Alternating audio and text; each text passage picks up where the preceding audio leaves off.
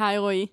שלום ליאור. היי כולם, הגעתם לסטארט-אפ פור סטארט-אפ, הפודקאסט שבו אנחנו חולקים מהניסיון, מהידע והתובנות שלנו כאן ב-monday.com, וגם מחברות אחרות, ומיועד לכל מי שסטארט-אפ מדבר אליו, לא משנה באיזה כיסא הוא יושב ברגעים אלו. סטארט-אפ פור סטארט-אפ פור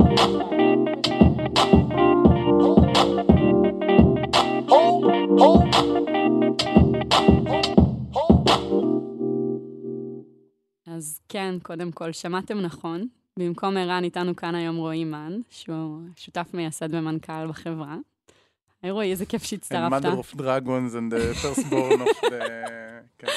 אז שאלו איפה אתה, כל כך הרבה פרקים, החלטנו שהיום הגיע סוף סוף הזמן אה, שתצטרף אלינו. אה, וערן, ככה למי שתוהה, קיבל פס. ובאמת רועי הצטרף כדי שנוכל היום לגעת באחד התחומים הכי חשובים ומרכזיים בחברה, שהוא השיווק שלנו. Uh, בצוות ה marketing היום יש לנו עשרה עובדים שמנהלים תקציב שיווק של 4.5 מיליון דולר בחודש, על פני כמה channelים מרכזיים, כמו גוגל ויוטיוב, פייסבוק, אינסטגרם, Capterra uh, וכו'. uh, ובאופן ספציפי בחרנו להתמקד בשאלה איך עושים direct response marketing לעסקים. לפני שאתם בורחים, למי שלא מבין מה המשפט הזה אומר, תרגום לעברית יגיע ממש בקרוב. אה, וכדי לענות על השאלה הזאת, הצטרף אלינו כאן היום רותם, שהוא uh, מנהל uh, הפרפורמנס שלנו כאן בחברה. היי רותם, איזה כיף שאתה פה. היי, כיף להיות פה. רותם, אז באמת, מה זה בכלל uh, direct response marketing? אז uh, direct response marketing זה בעצם uh, דרך פרסום, ל... שבעצם המטרה של הפרסום היא להגיע ל... ללקוחות בצורה מיידית, כלומר שאתה עושה בעצם פרסום ואתה, יש מטרה ברורה מאוד למה שאתה עושה ואתה רוצה שהתגובה לפרסום תהיה מיידית, זה יכול להיות כל דבר שבעצם אתה מגדיר בתור uh, הצלחה לקמפיין או לפרסום, זה יכול להיות uh, הרשמה לניוזלטר, זה יכול להיות lead, זה יכול להיות uh, השארת מספר טלפון, הרשמה למוצר, תשלום, כל דבר כזה, ובעצם ה... בשיטה הזאת היא מאוד אה, קלה למדידה ובעצם אפשר למדוד את ההחזר השקעה לפרסום שלך בצורה הכי מהירה ובצורה גם יחסית הכי קלה מכל שיטות הפרסום האחרות שיש למשל אם עושים branding אז אה, מאוד קשה להבין את ההשפעה של, ה, של הפרסום הזה וב direct response אתה בעצם אה, יודע כל דולר שאתה מוציא אתה יכול בעצם אה, למדוד את האפקטיביות שלו בצורה הכי מהירה. רועי, ומה בעצם מאתגר בלעשות direct response marketing לעסקים? אז uh, אפשר להסתכל דבר ראשון על השוק ועל חברות SaaS אחרות, והרבה פעמים הולכים לכנסים, מוצאים leadים, עובדים עם אנשים לאורך הרבה זמן. ו direct response בעצם, uh, בתפיסה שלנו, זה שהמוצר הוא גם no touch. כלומר, שבן אדם נרשם למוצר, מנסה אותו לבד, אף אחד לא מדבר איתו, ואז הוא צריך לשלם. כלומר, המוצר צריך להיות ממש ממש טוב. וקלאסית במוצרים שמופנים לעסקים, שהם מטבעם יותר מורכבים, אה, זה לא עובד. זה פשוט קשה, ה-no touch הזה. אה, אז, אז זה, זה הקושי, וזה קושי אמיתי.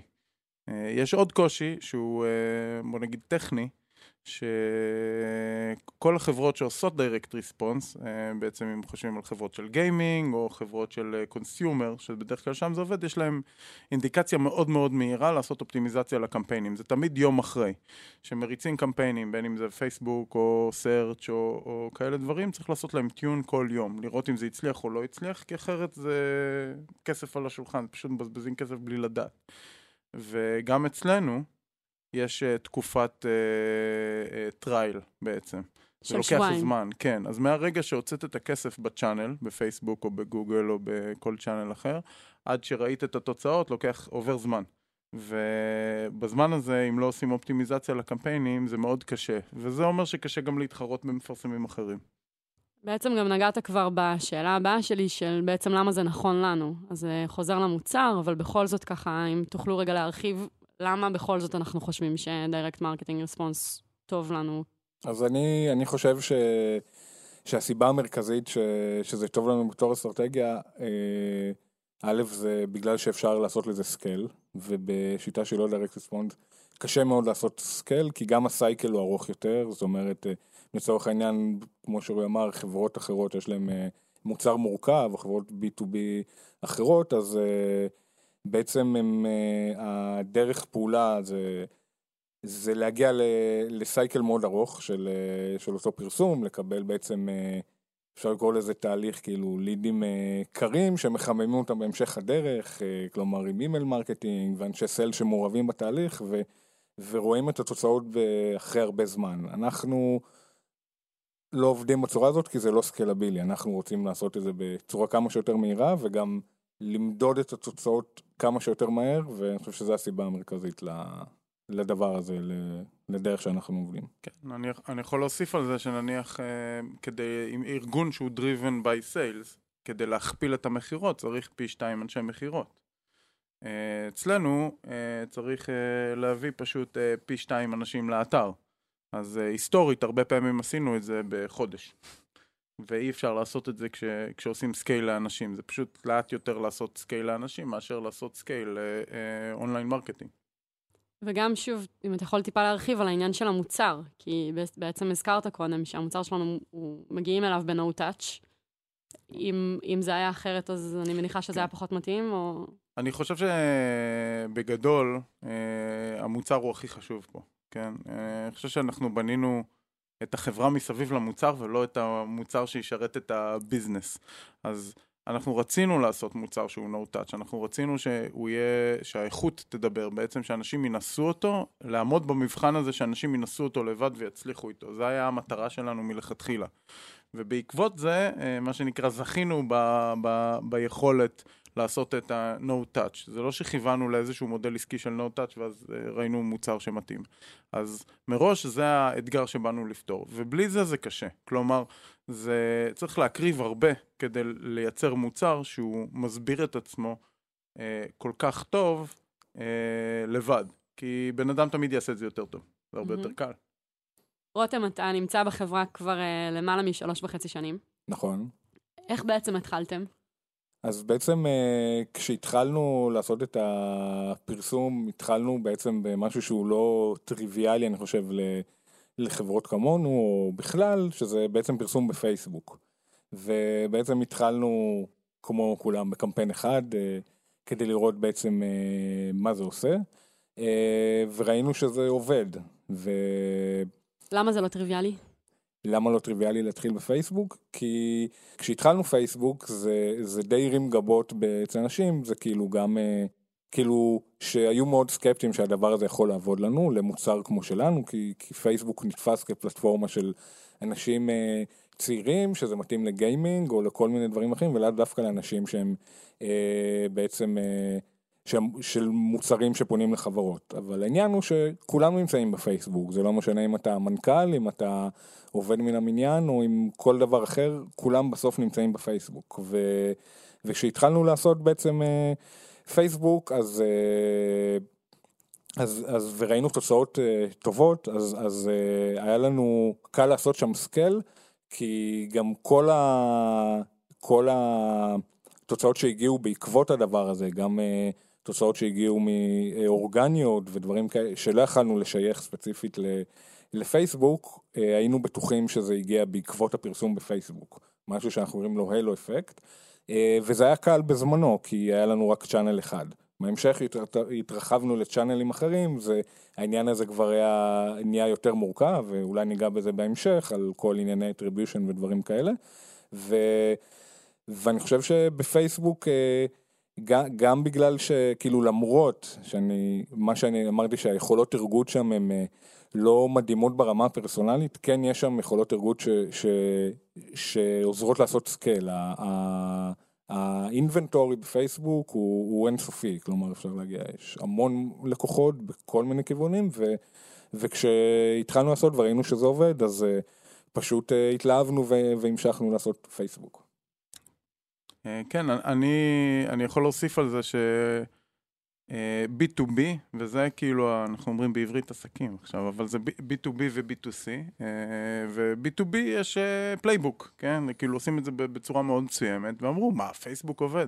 אז גם, גם אינסטגרם עובד לנו, ומוצאים שם Enterprise Customers ממש, כאילו חברות ענקיות, כי זה בדיוק מה שרותם אמר, זה בני אדם. ו, ובפייסבוק מה שמאוד יפה זה שאם עושים משהו שמדבר לאנשים והוא engaging וזה פרסום שהוא הוא, הוא כאילו איפשהו הכריח אותנו לעשות פרסום שהוא טוב, פרסום שהוא מעניין, פרסום שאנשים מתייחסים אליו. וברגע שזה קורה, אה, אז זה פשוט עף שם. זה, זה, זה אה, מגיע ל, ל, ל, לקהל מאוד מאוד גדול. אה, ולהוסיף על מה שרותם אמר, יש משהו שעובד מאוד מאוד טוב בפייסבוק, שזה נקרא look-alikes, שזה בעצם הם לוקחים את הקהל שעובד לנו, נניח את קבוצת הלקוחות המשלמים שלנו, ואומרים, תביא לי עוד כאלה, זה הכי כיף, לא? בתור קונספט, להגיד, תביא לי עוד כאלה, וזה בדיוק מה שהם עושים. רק התנאי שלהם זה שהפרסום בעצם אה, יהיה engaging ויהיה, ויהיה מעניין, ושאנשים יגיבו אליו, וזה קשה. כלומר, קשה לעשות פרסום מעניין וטוב שמדבר לאנשים. אני חושב שכשרועי נגע באינסטגרם אז זה מעניין אה, להגיד שכאילו אינסטגרם, אה, כשהפרסום באינסטגרם התחיל אה, יחסית לא, לא, לא כך מזמן, לפני, לא יודע, שנה וחצי או שנתיים באמת התחיל פרסום באינסטגרם, וכשבאמת הלכנו לכיוון הזה, אז, אז, אז זה באמת היה נראה כאילו איך אינסטגרם יכול להיות קשור ל, ל, למוצר כמו שלנו. אה, ו... וכשבעצם uh, התחלנו שם את הפרסום וראינו תוצאות מדהימות, זה פשוט היה, ואני יכול לצטט אנשים ש... שראו, זה כאילו, הם, הם לא, לא הבינו איך uh, מוצר שבמרכאות משעמם, כמו מוצר לעסקים, מביא engagement כזה טוב, כלומר קליקים על המודעה ו share ים ו... וכל הדברים האלה, ו... וזה מה שגרם ל... ל... להתפוצצות שלנו באינסטגרם. אפשר להביא דוגמה. נניח היה לנו אה, מודעה ב... אה, באינסטגרם שהייתה, כמו שכולנו ככה שומרים קובץ, ואז עוד פעם את הגרסה של הקובץ, ו final, final, final, זה, אז עשינו שם פרסומת למעצבים, וכתבנו final, final, final, final נקודה psd is the thing of the past, עם תמונה של מעצב כזה על השולחן שהוא כאילו כבר גמור. וזה הביא תגובות מטורפות, אנשים שלחו את זה אחד לשני, ו... ו- וזה גם היה מודעה שמאוד אה, הצליחה כן לחבר אותם למוצר, הם כן נרשמו, הם כן ניסו, הם כן שילמו בסוף. אה, וזה, וזה מאוד חשוב, ב, ב, כמובן בכלל בפרסום וגם באינסטגרם ופייסבוק, שמודעה כזאת גורמת לתוצאות כאלה טובות של engagement, אז בסוף אה, אתה משלם פחות על, ה, על המודעה, ואז בסוף ה, כמה ששווה לך לשלם. אה, ROI סופי בסוף וכל הדברים שמודדים, אה, זה מה שבסוף גורם לתוצאות הטובות, וזה מה שמניע אותנו. דווקא מעניין אותי לשמוע אם יש לכם דוגמה למשהו שלא כל כך עבד לנו בתוך כל האידיליה הזאת שאתם מתארים כרגע, כי עלינו על זה שאינסטגרם ופייסבוק מתאימים לנו למרות שחשבנו שלא, אבל היו מקומות שבהם חשבנו שזה הולך ובסוף התפקשש לנו? אז uh, היו הרבה, נבחר אחד אולי.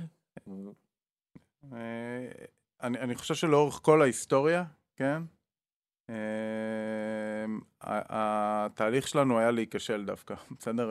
בוא נעשה האידיליה הזאת, כן, זה היה קשה מאוד. וכל פעם כיוונו. לאיזשהו אמ, KPI, שאחרי זה החלפנו אותו. אבל בהתחלה שהתחלנו כיוונו ל sign up ים, כמה שיותר sign up ים. ואז גילינו, פתאום היה את, uh, בשנה הראשונה אני חושב היה את קמפיין ההודים, קנינו המון המון traffic מהודו, והוא היה מאוד זול, אבל הם לא שילמו כלום. וזה היה בעיה אחת. אז התחלנו להסתכל על לקוחות משלמים, שזה יותר ארוך רגע, ויותר רגע. קשה. רגע, רגע, בוא שנייה נשמע מה קרה בהודים.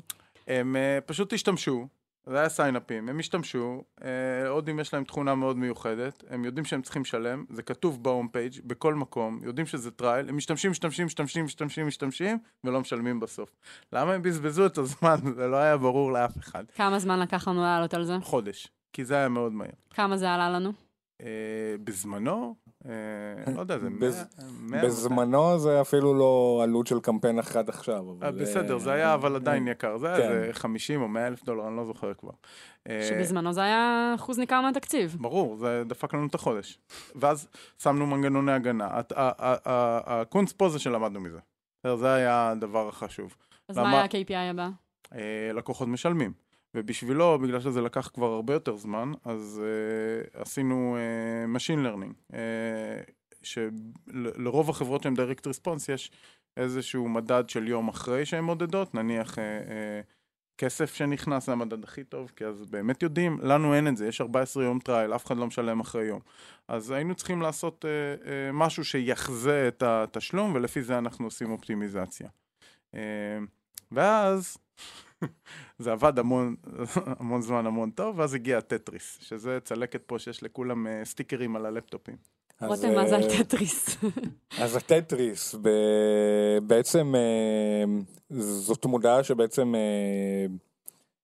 הראתה את המוצר בצורה שמדמה אותו למשחק טטריס, ובעצם היה רשום שם Organize your task, אה, מה רשום שם? אה, Don't let your task pile up או משהו כזה. אה, ובעצם המודעה הזאת אפשר להגיד, היא פרצה את כל ההגנות שלנו, מה שבעצם רועי אמר עם מנגוני ההגנה, היא בעצם, היא הראתה, היה קודם כל בשלב הראשוני בכלל של המודעה, ב engagement וב-CTR ובשאר עם כל הדברים האלה, שבעלויות של signup ים זה היה מדהים, וכשאנחנו רואים דברים כאלה, במיוחד גם ראינו intent מאוד גבוה, שזה בעצם intent זה בעצם איזשהו מדד של, אה, של Machine Learning שחוזה לנו על אה, לקוחות, כמה הם הולכים לשלם ומתי וכל הדברים האלה. אה, ובעצם פרצה את כל ההגנות האלה והיינו בטוחים שהנה אנחנו עכשיו מגיעים כאן, פיצחנו משהו חדש. ובעצם אז, אז אה, כמו שאנחנו אוהבים לעשות פה, שמשהו עובד אנחנו לא עוצרים ואנחנו מתפוצצים, אה, ובאמת התפוצצנו. ו... מה זה אומר? זה אומר שהמודעה הזאת השתלטה לנו על כל החשבון בפייסבוק, שמנו, השתמשנו בה ברוב הקמפיינים שלנו, ובכל המדינות, ובכל מקום ששמנו היא פשוט עבדה, במדדים שידענו למדוד עד התשלום. באיזה ו... תקציב בזמנו?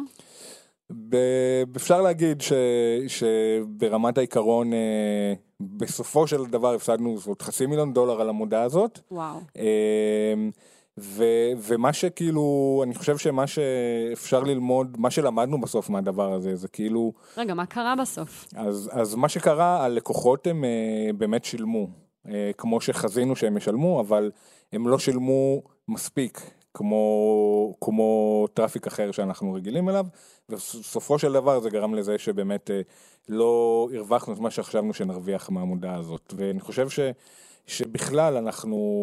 כל, כל הזמן לומדים דברים חדשים ודברים שאנחנו יודעים היום, גם לפני חודשיים הסתכלנו על דברים בצורה שונה, וגם לפני חצי שנה וגם עוד חודשיים נסתכל על דברים בצורה שונה.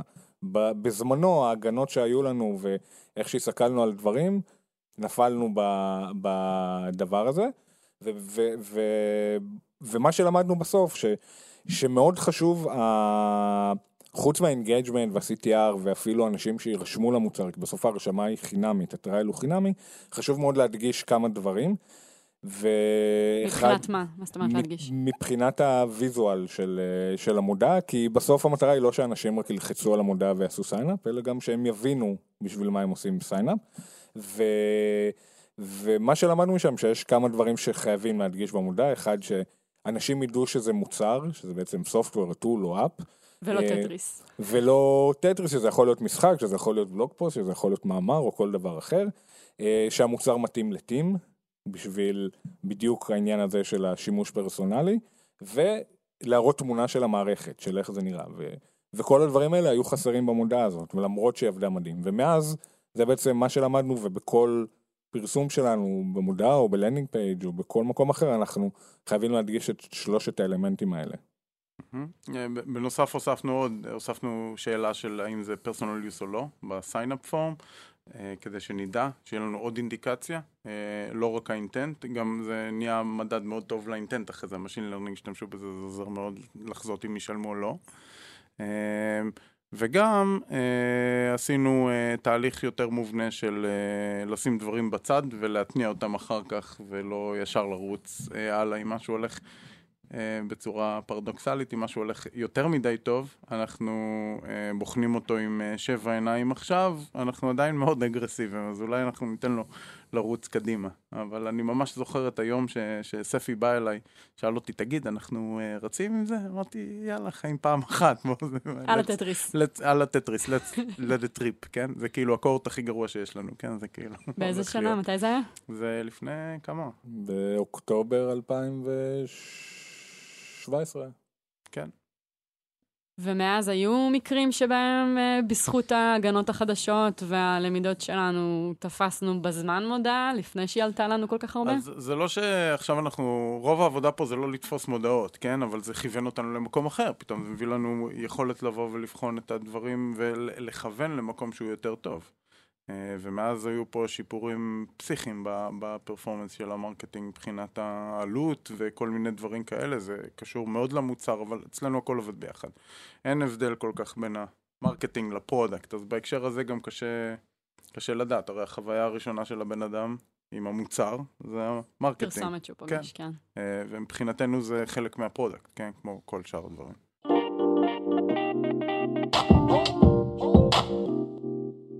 אז ציינתי בתחילת הפרק שאנחנו מוציאים היום 4.5 מיליון דולר בחודש בתקציב שיווק. קודם כל, מה קצב הצמיחה שלנו? חודש הבא אתה מוציא את אותו סכום? אז uh, חודש הבא אנחנו נוציא את אותו סכום. Uh, עד סוף שנה אנחנו מתחילים להוציא 5.5 מיליון דולר בחודש, וגם בהתאם לפרפורמנס ובהתאם לכל מיני אתגרים שיש לנו בדרך, אנחנו נגדיל uh, בהתאם. ואיך עושים scale בכזאת מהירות? Okay. אוקיי. איך אתה מחודש אחד שאתה מוציא 4.5 מיליון דולר, לחודש הבא מוציא 5.5 מיליון דולר? אה, אני חושב שאחד אחד, אחד הדרכים זה בעצם אה, הפיצול שלנו, של התקציב, לתקציב שהוא core ותקציב שהוא experiment, ואני אסביר. אה, תקציב שהוא core זה אומר שהוא חלק, אחוזים מסוימים מהתקציב, שהוא אמור להיות חלק הגדול יותר בעוגה. הוא תקציב שאנחנו יודעים איך הוא עובד היסטורית, שהוא יציב לאורך זמן, ואנחנו יודעים שאלה התוצאות שאנחנו אמורים לקבל, ואנחנו חיים איתם בשלום, ואנחנו יודעים שאלה התוצאות שאנחנו, אה, שזה עומד בקייפ. מבחינת תוכן המודעה או מבחינת הצ'אנלים? לא, מבחינת KPIs. אנחנו יודעים שזה ה-KPIs שאנחנו רוצים לעמוד בו. אז החלק הזה זה בעצם אה, תקציב הקור. החלק השני, אנחנו מחלקים חלק מהעוגה של התקציב הכולל, זה יכול להיות 30 אחוז, זה יכול להיות 40 אחוז, זה יכול להיות 20 אחוז. כמה זה היום? Uh, היום זה בין 30 ל-40 אחוז, שהוא תקציב שהוא טסט, שבעצם uh, המטרה של התקציב הזה זה לעשות דברים חדשים.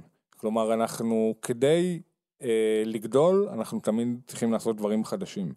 Uh, ובעצם בתקציב של הטסט אנחנו במרכאות, לא אכפת לנו מה performance של, ה, של התקציב הזה, אכפת לנו להבין כמה שיותר מהר אם אה, מה שאנחנו עושים הוא טוב. ברגע שאנחנו מבינים שמשהו עובד טוב בתקציב של ה experiment והוא יציב, אנחנו בעצם מעבירים אותו ל core, או שאנחנו הורגים את זה. ואז כל פעם... זה תקציב אני... ענק. זה תקציב ענק שהולך לטסטים. נכון, אנחנו... זה, זאת הדרך שאנחנו אה, עובדים כאן, ואני חושב ש, שהדרך היא בעצם לעשות scale, ואז אופטימיזציה, ואז לעשות את ה scale, ואז אופטימיזציה. אז, ו... אז זו נקודה חשובה, אז בעצם כשרותם אומר שאנחנו נשארים על אה, נניח ארבע וחצי או חמש, זה לא אותם חמש. נכון. כלומר, אה, זה שאנחנו נשארים על אותו תקציב, אז אה, לחברות מסוימות זה אומר שזה אותו אחד, אצלנו 40 אחוז זה טסט, אז נניח נחתוך חצי מזה חודש הבא, ואז צריך להוסיף יותר, אז אז בעצם אם נחתוך uh, חצי מה-40% של הטסט, אז בעצם אנחנו uh, נצטרך להוסיף את זה on top כדי להגיע לאותו מקום, ו hopefully שם זה יהיה טוב. וככה לאט לאט אנחנו מגדילים את ה core, uh, וה core אמור להיות תמיד יציב על אותו החזר בזמן. זה מה שאנחנו מודדים על ה marketing, שמקבלים את הכסף חזרה באותו זמן. ה experiment, יש יעדים גם ל experiment. ש... Uh, יש להם איזה תקציב, אנחנו דוחפים גם את זה. ו- ו- מה היעדים לאקספרימנט? Um, זה פר צ'אנל, כמה שאנחנו רוצים להיות אגרסיביים באותו צ'אנל ולהגדיל, אבל אנחנו תמיד uh, שואלים את השאלה מה צריך כדי לעשות פי שתיים. כלומר, אנחנו אף פעם לא באים ואומרים בוא, בואו בוא נגדיל בעוד 10% או בוא נדחוף את מה שעשינו לפני זה עוד טיפה קדימה. כלומר, יעדים כאלה שהם סופר אגרסיביים, ובדרך כלל שאלת מה החודש הבא וזה, אבל בדרך כלל בתחילת שנה, בינואר, שזה חודש מאוד חזק אצלנו, אנחנו ככה שמים יד של פי שלוש, כאילו, לבוא, וזה גורם לאנשים, דבר ראשון, טיפ-טיפה להתעלף, ואז להגיד, רגע, אין שום סיכוי שאפשר לעשות את הדבר הזה, אם נעשה את מה שעשינו לפני זה. זה שובר את התפיסה הזאת של עוד טיפה, של לדחוף את הזה, של לעבוד קשה יותר. זה צריך ללכת אחורה ולהבין איך מחדש חושבים על הכל. ובגלל זה זה הסוג יעדים שאנחנו אוהבים. וזה דורש מכולם לעבוד ביחד, לא רק marketing. אבל איך זה מסתדר עם האמירה שלך, רותם, קודם, שאנחנו לא מודדים את ה... או שלא אכפת לנו מה performance של ה experiment? אה, זה היה במרכאות. experiment נמדד בכמה ממנו אנחנו מעבירים ל core. כלומר, אם זרקנו את רוב ה experiment והרווחנו מעט מאוד שם ב core, זה לא טוב. אז אנחנו ככה אנחנו מודדים את ה experiment. כמה מתקציב experiment הצלחנו להעביר ל core. Mm-hmm. וזה אתגר קשה יותר מאשר כאילו רק למדוד שהוא בסדר או לא. איך זה נראה ביום-יום? אני מנסה לדמיין אתכם עשרה אנשים בצוות יושבים ומריצים ככה experiments כל היום. מה, מה התהליך בעצם? ב... קודם כל אני אסביר אולי קצת על הצוות. אז בעצם אה, יש צוות אה, שהוא בעצם אה, עושה את הפרסום ב Google AdWords, צוות שעושה את הפרסום ב YouTube. צוות שעושה בפייסבוק, צוות שעושה אה, channelים חדשים ו media buying ו... כל הדבר הזה עשרה אנשים. כל הדבר הזה עשרה אנשים. ובעצם ה... ה... מה ש... שאני חושב ששונה פה גם מאוד ממקומות אחרים זה ש... שהיעדים לא נקבעים על ידי uh, המנהל או שמישהו, או שיש אפילו יעדים מספריים uh, uh, ש, שהמנהל בא ואומר צריך להוציא את הסכום הזה וצריך לעשות את הדברים האלה, זה, זה כל אחד גוזר לעצמו את היעדים. כלומר, כל אחד, אנחנו יודעים מה עובד טוב ומה לא עובד טוב, והלאה קדימה, בוא, בוא תעשה מה שאתה יכול כדי, אם משהו עובד טוב, אין, אין תקרה בעצם, אתה, אף אחד לא יעצור אותך אם משהו עובד טוב במדדים שאנחנו יודעים שהם טובים. כן, רצת זה... קדימה, אבל אני מנסה להבין עוד רגע לפני שזה עובד, לא עובד. בסדר? מתחיל חודש, לירון ב YouTube. יש לה תקציב experiment. מה היא עושה עכשיו? אז זה בדיוק... קודם כל, מי קובע מה התקציב experiment שלה? אז כמו שאמרתי, היא היא קובעת לעצמה? לירון קובעת, כי היא יודעת מה, מה אפשר לעשות ב YouTube, מה יכול לעבוד, מה הכיוונים שיש, מה עוד לא ניסינו, ומה היא יכולה להספיק, כן? ו... וגם כולם יודעים ש... שצריך לעשות יותר מחודש שעבר, או יותר מלהתקדם קדימה, כן? זאת אומרת, אם אנחנו לא נתקדם קדימה, כלומר, אם אנחנו נישאר עם אותו, אותו פרפורמנס לצורך העניין, ואותו ספנד, והכל יישאר אותו דבר, אבל חלק מהדבר זה לא עשינו דברים חדשים, אז uh, זה מבחינתנו כישלון, כי אנחנו תמיד ננסה לעשות דברים חדשים, אז, אז אם, אם uh, אפילו שיפרנו קצת את הביצועים, אבל זה באמת לא היה משהו חדש שניסינו, אז זה תחושת כישלון, כי, כי, כי ברגע שיש דברים חדשים שמפצחים דברים חדשים, אז, אז אפשר באמת להתקדם ולעשות scale. ו, ו, ו... אבל היא אמורה לבד להחליט זה... מה ה experiments הבאים? כן, היא אמורה לבד, כי היא יודעת הכי טוב מה עובד שם. כל אחד, לא רק היא, כל אחד בצוות יודע מה, יעבור, מה הוא חושב שיעבוד הכי טוב. כמובן שהכל זה בעבודת צוות והכל זה בשיתוף, אבל... אה, אז איפה באה פה לידי ביטוי עבודת הצוות?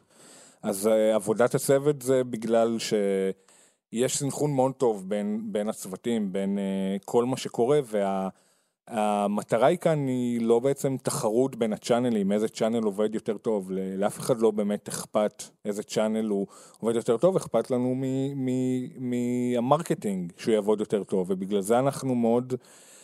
משנים את התקציב, את ה... את ה-KPIs פר צ'אנל בהתאם לביצועים, אז יכול להיות שצ'אנל אה, מסוים בחודש מסוים נוציא עליו פחות והתקציב יעבור לצ'אנל אחר כי הוא עובד יותר טוב, וההפך, ובגלל זה כולם מאוד מעורבים ויודעים שעכשיו אוקיי, משהו כאן לא עבד טוב, אז עכשיו זה הזמן שלי לעשות אופטימיזציה, אבל את הכסף שאני חוסך במרכאות על, ה... על זה שהורדתי את הדבר הזה, הכסף ילך על צ'אנל אחר שעובד יותר טוב. אני, אני חושב שזה נוגע במשהו שאנחנו מאמינים פה בכל החברה ובספציפית ב marketing של, אה, אה, אנחנו קוראים לזה ב marketing full stack marketing, כן? כלומר שבן אדם אחראי על הכל end to end, מההתחלה, מהפרסומת עד ל targeting, עד להוציא את הכסף, עד לבדוק את זה ועד למוצר עצמו ולחבר את המוצר ולכוון את הצוות של המוצר לעזור ל marketing לצמוח. כלומר, הכל, ו, וגם cross channels, כלומר, זה לא שיש פה בן אדם שהוא uh, YouTube, אמרנו YouTube, אז לירון היא לא uh, עושה YouTube, היא בצוות של ה marketing, ואנחנו משתדלים כמה שיותר uh, להיות מסוגלים uh, להחליף, יש איזושהי התמחות שנדרשת בכל uh, מקום כזה, הם עובדים אחרת, הם חושבים אחרת, אבל uh, אנשים יכולים לעבור ממקום למקום, לעשות דברים חדשים כל הזמן, uh, ואנחנו מעודדים את זה. וזה מאפשר את מה שרותם אמר, שבעצם uh, מסתכלים על הגול הכללי של ה marketing as a whole, ו... ועושים את זה ביחד. ויש עוד נקודה אחת שזה בא לידי ביטוי, שהיא נקודה מאוד חזקה, זה שאנחנו אה, באים ואומרים פי שתיים, או פי שלוש. אין שום סיכוי שצוות marketing לבד מסוגל לעשות דבר כזה. חייב להיות איזשהו שינוי אחר גם במוצר, בכל מיני מקומות אחרים. ואז כשאנחנו באים ושמים את היעד הזה, בעצם אה, אנחנו אומרים, טוב, ה-KPI זה שהחבר'ה ב marketing יהיו מרוצים שה performance שם טוב, ובפי שתיים, אז כל החברה צריכה להתגייס לעזור לזה. איך זה נראה? Uh, זה נראה שבדרך כלל הצוות של ה marketing מוביל את הבעיות, כלומר הם אומרים נניח, יש לנו הזדמנות ענקית ב mobile. בסדר? ואנחנו לא טובים ב mobile, קשה לנו להוציא כסף ב mobile. למשל, למ... תארו לכם. למה? כי התוכנה היא מאוד מותאמת ל desktop, וכאילו, אה, ה setup שלה היא ב desktop, ואם מביאים מישהו מ mobile, אה, אה, מעט יחסית עוברים ל desktop, ויש הזדמנות אדירה ב mobile. אז לוקחים אה, את כל החברה לבוא ולנסות לפתור את זה. את הצוות של ה growth, הצוות של ה platform, כל, כל הצוותים האחרים פשוט מתגייסים לבוא ולפתור את הבעיה הזאת, מעלים רעיונות ומנסים לבדוק את זה ושמים KPI כמו שעושים task force נניח לצורך העניין לדבר הזה, אה, אבל זה הכוונה 100% של ה marketing. ואני חושב שבהקשר הזה... כלומר, רק שנייה, רותם, כדי שאני mm. אוודא שהבנתי, לצורך העניין, באתגר של ה mobile, היה מצב שבו אתם באתם ונתתם פידבק על זה ש... יש איזשהו עניין ב convert, שיש עניין במדדים וזה לא עובד כמו שצריך? אז אה, כן, ואני חושב שזה לא רק ב mobile, אני חושב שזה בכל דבר, כי אנחנו, אני חושב שבשונה מכנראה הרבה מקומות, שאנשים שמנהלים קמפיינים ובעצם עובדים ב marketing, כמו שרועי אמר, הם אחראים מאלף עד תף ל traffic שהם מביאים, כן? זה לא רק אה, להביא סיינאפים או לגרום לאנשים רק אה, להגיד אני מביא אנשים שיקליקו, יירשמו למוצר, ומכאן זה כבר לא הבעיה שלי. ו, והאנשים ב marketing כולם עובדים עם, באמת, כל אחד מה marketing עובד עם אנשים אחרים בחברה ב, בהקשר הזה, כן? עם אה, אנשים מהפיתוח, אנשים מהעיצוב, אנשים מה product, אנשים מה data science, כדי להבין בסוף את כל ה funnel הזה, וגם עם... ו, ו... אז איזה עוד דגלים אדומים הרמתם, חוץ מה mobile? אה, איזה עוד דגלים אדומים הרמנו, אה, זה יכול להיות מדינות שלא עובדות טוב, זה יכול להיות... אה, דברים עכשיו אנחנו מביאים המון traffic שמחפשים סוג של project management, המוצר עצמו מוכוון מאוד project management, למרות שהלקוחות שלנו אחרי שהם נחשפים למוצר עושים המון דברים אחרים, נניח כמו CRM. אז התחלנו גם לשווק ל-CRM וזה עובד פחות טוב, כי המסרים לא עובדים שם טוב. כי זה עכשיו, חדש לנו. כי... כן, כי זה לא מה ש... זה ה scale הבא בעצם. ואז עכשיו אנחנו מגייסים את כל החברה אה, להתאים את המוצר בעצם ל... להמון, אה, אנחנו קוראים לזה clusters, clusters שונים. ו... וזה משהו, פרויקט ענק פה שמכיל את כולם, שמי שמגדיר את הדבר הזה, זה, זה אפשר להגיד, ה marketing בעיקר, ביחד עם ה product, את... מה הם ה clusters שאנחנו נפנה אליהם. תסביר קצת יותר טוב מה זה clusters. זה יכולת שלנו לשווק לאנשים שונים, מי שמחפש משהו שונה, כל אחד שמחפש משהו שונה, מי שמחפש CRM הוא רוצה למצוא CRM, הוא רוצה שה-Welcome email שהוא מקבל יתייחס לזה, לא יתייחס ל-Team Management נניח.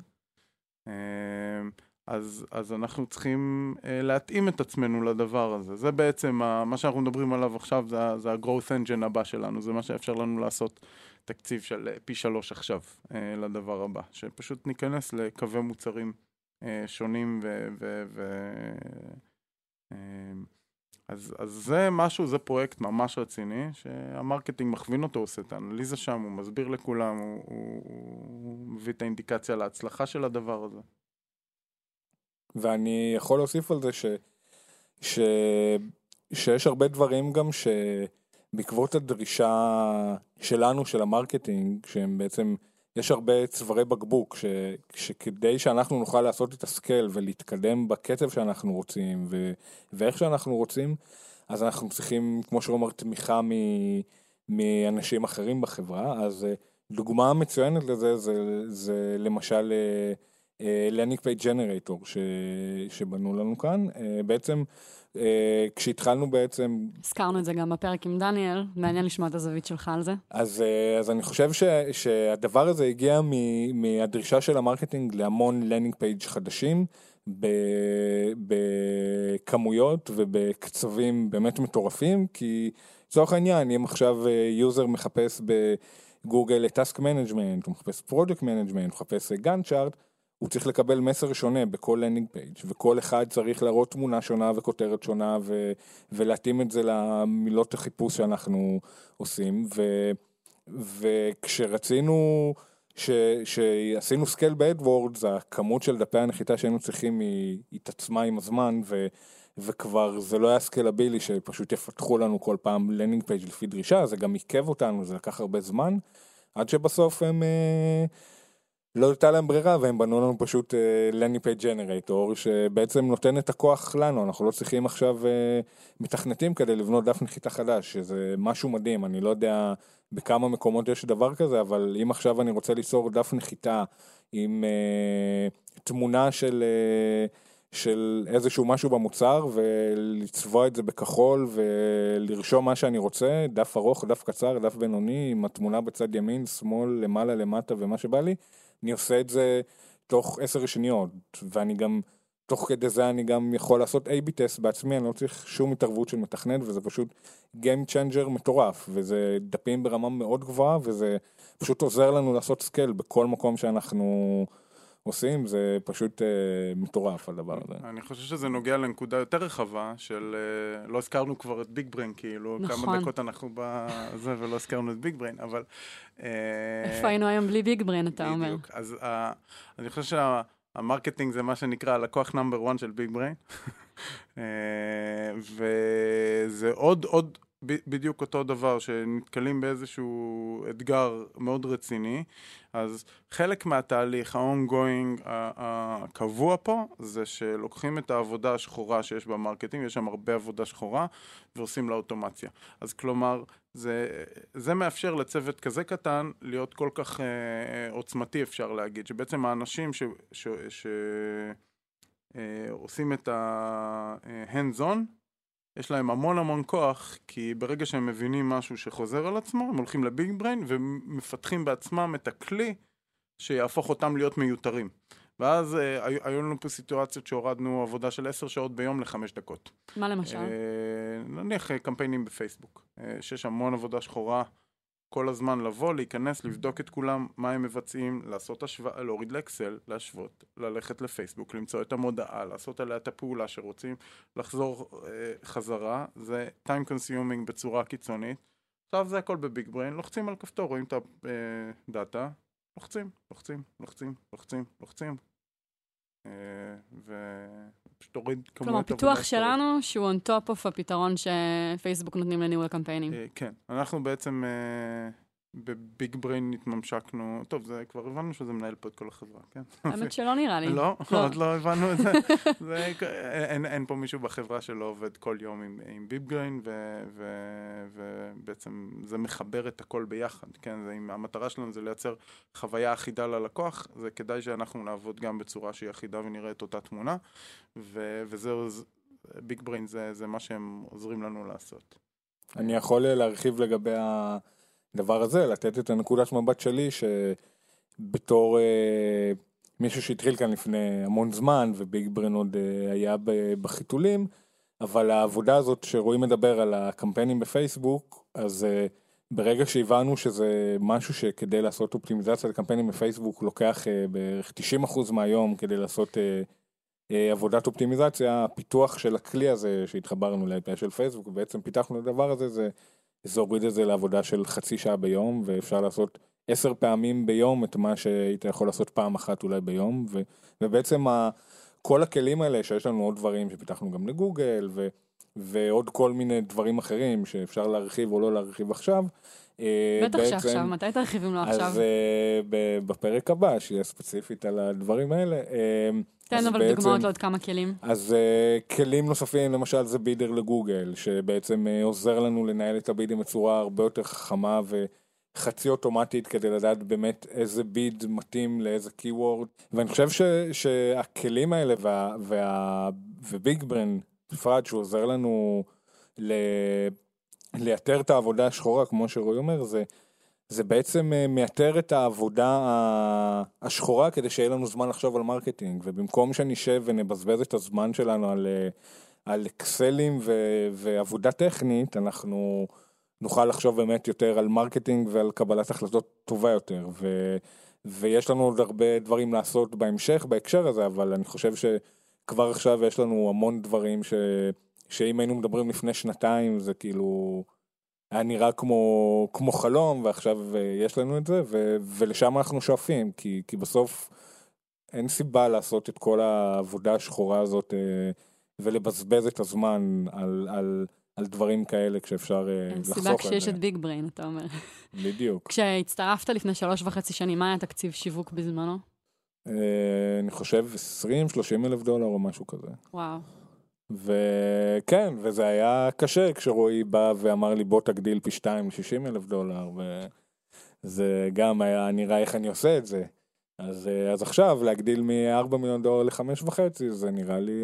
8, 8. 8 אמרנו נכון, 8. אחרי כן. הפרק הזה אנחנו מעלים ל-8 עוד חודשיים. כן, כן, לא, לא, אנחנו צריכים את ה... זה יהיה כנראה בינואר שנעשה את הקפיצה הזאת, אבל כן.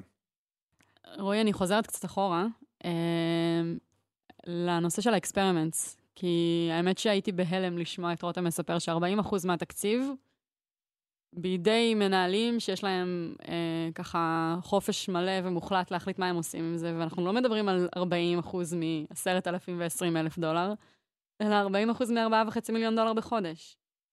אמ, כן, זה לא, לא פשוט, אבל אנחנו מודדים... אה, ממתי אנחנו זה... עושים את זה? איך הגענו למקום שבו זה מה שאנחנו עושים? אמרנו שצריך עוד כמה פרקים ל-marketing. אז אה, נקודה אחת, בוא ניגע בזה טיפה, זה נושא של אה, TROI, זמן החזר על ההשקעה של ה-marketing. אז כל עוד זה in check, כלומר, את הכסף שהשקענו, נקבל אותו חזרה תוך 7-8 חודשים, שזה כרגע המדד שלנו, אז הכל טוב.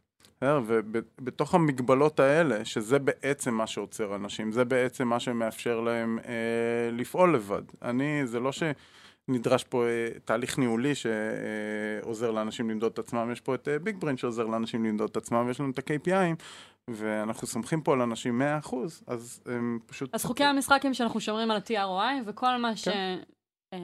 שנופל בתוך הדבר הזה הוא מבורך. כן. וב-experiment אפשר ליפול מחוץ ל-TROI, אבל שוב, אם, אנחנו, אם יש טעויות, אנחנו יודעים אותן, אנחנו מדברים ומתקדמים, ולא, שהם לא יקרו פעמיים.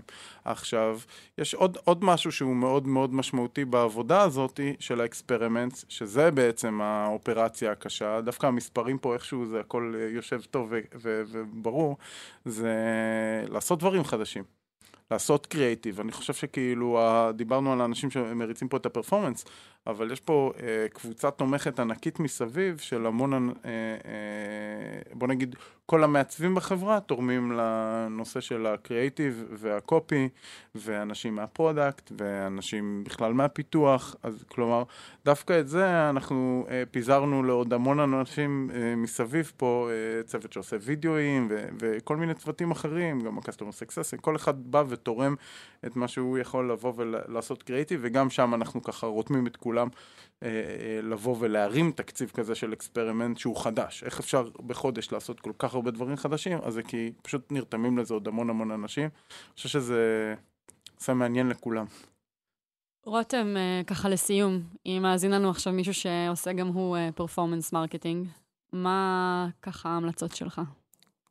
אז אני חושב שקודם כל, אחת ההמלצות הכי מרכזיות זה, זה למדוד כל דבר שעושים. אם עושים משהו ולא יודעים למדוד אותו, אז, אז לא לעשות, כי לא פועלים מתוך תחושות ומחשבה שאולי זה תורם במשהו, אולי זה נכון לעשות. אם אי אפשר למדוד את זה, אז, אז לא לעשות את זה, כי ברגע שלא מודדים, אז אז זה לא, לא שווה כלום, וחשוב מאוד למדוד כל דבר שעושים. אה, ב... נשמע לי גם שזה מה שבעצם מאפשר בסוף לאנשים לזוז בצורה עצמאית וחופשית יותר, נכון? אני חושב שכן, כי בסוף ה- המטרה, אה, לפחות, כאילו, אצלנו יש לנו, כשדיברנו על מטרת העל של ה-performance, של ה-marketing מבחינה תקציבית ו-KPI, זה, זה, אם נסתכל על כל הצ'אנלים, זה כל הצ'אנלים הם צריכים להיות באותו פרפורמנס, כלומר אותו KPI, אותו החזר על הכסף, ואותו, אותם עלויות ואותם דברים, זה, וזה קשה כי כל צ'אנל הוא מתנהג בצורה אחרת, אבל לשם אנחנו מכוונים, כלומר אם יש צ'אנל שעובד פחות טוב, אז אנחנו לא נגיד אוקיי זה צ'אנל X, אז אה, הוא עובד פחות טוב, נוותר לו. נ- נוותר לו בדיוק, אז אה, אוקיי, אז נוריד לו תקציב ונעביר את זה לצ'אנל B, ש, אה, שהדולר הבא שנשים שם יהיה לנו יותר משתלם, וזה מה שאנחנו, לשם אנו מכוונים, אז זה טיפ אה, הכי גדול שאני חושב שאני יכול להגיד. אה, כן, אני גם, גם אה, פגשתי בהתחלה אנשים שאומרים, טוב, פייסבוק לא עובד לנו, נניח. אה, אין דבר כזה. אה, אין דבר כזה לא עובד. אה, גם לנו יש המון דברים שלא עבדו, ולא רק פייסבוק, ומנסים עוד פעם ועוד פעם ועוד פעם ועוד פעם. וגם אין מישהו שיכול להגיד האם זה יעבוד או לא, צריך לנסות. אז, אה, אז, אז בעצם אם משהו לא עובד, זה ככה מתקדמים. צריך לנסות עוד דברים, זה מאוד קשה. בסדר? זה, זה כמה דברים שצריכים לעבוד ביחד, המסר הנכון לקהל הנכון, אה, עם המוצר שמתאים לשני הדברים האלה, וצריך לעבוד הרבה ולהיכשל רוב הזמן. אז זה ככה טיפ כזה ש... אה, ובלי להאמין לסטיגמות, כמו אה, אי אפשר לעשות B2B באינסטגרם, כי יש שם ילדים בני 14, זה לא נכון. אז זה אחד מהדברים העיקריים, ושתיים, זה אני כן מאוד מאמין ב- ביעדים גדולים. כלומר, לבוא ולשים יעד שגורם ל... ל- ל- למי שמקבל את היעד להרגיש שהוא בלתי אפשרי. ואז דברים, קסם מתחיל לקרות. מנסים להבין איך לעשות משהו שונה ממה שחשבנו לפני זה, זה פותח את הראש. זה מזל שאתה וערן שותפים וחושבים ככה אותו דבר על יעדים בלתי סבירים. אנחנו, את יודעת, בסופו של דבר, אה, אה, אני, אני חושב שהרבה מהדברים שאנחנו עושים בהרבה מקומות בחברה הם מאוד אה, דומים אחד לשני. מבחינת ה... מבחינת הגישה ו-. וה-state of mind והשותפות של כולם בכל הדברים. אה, ו- וזה פשוט הופך את זה להיות כיף. זה מוציא אותנו מהקומפורט זון, זה קשה, וכשמצליחים זה כיף, וכשנכשלים לומדים. אה, אחלה. רותם, תודה שהצטרפת אלינו היום. בכיף, היה תענוג. תודה, רועי. תודה, ליאור. כמעט קראתי לך ערן. אה, לא, אני רק צריך לבוא לפה יותר, זה מה שזה נכון. אומר. תודה לכם שהאזנתם. Oh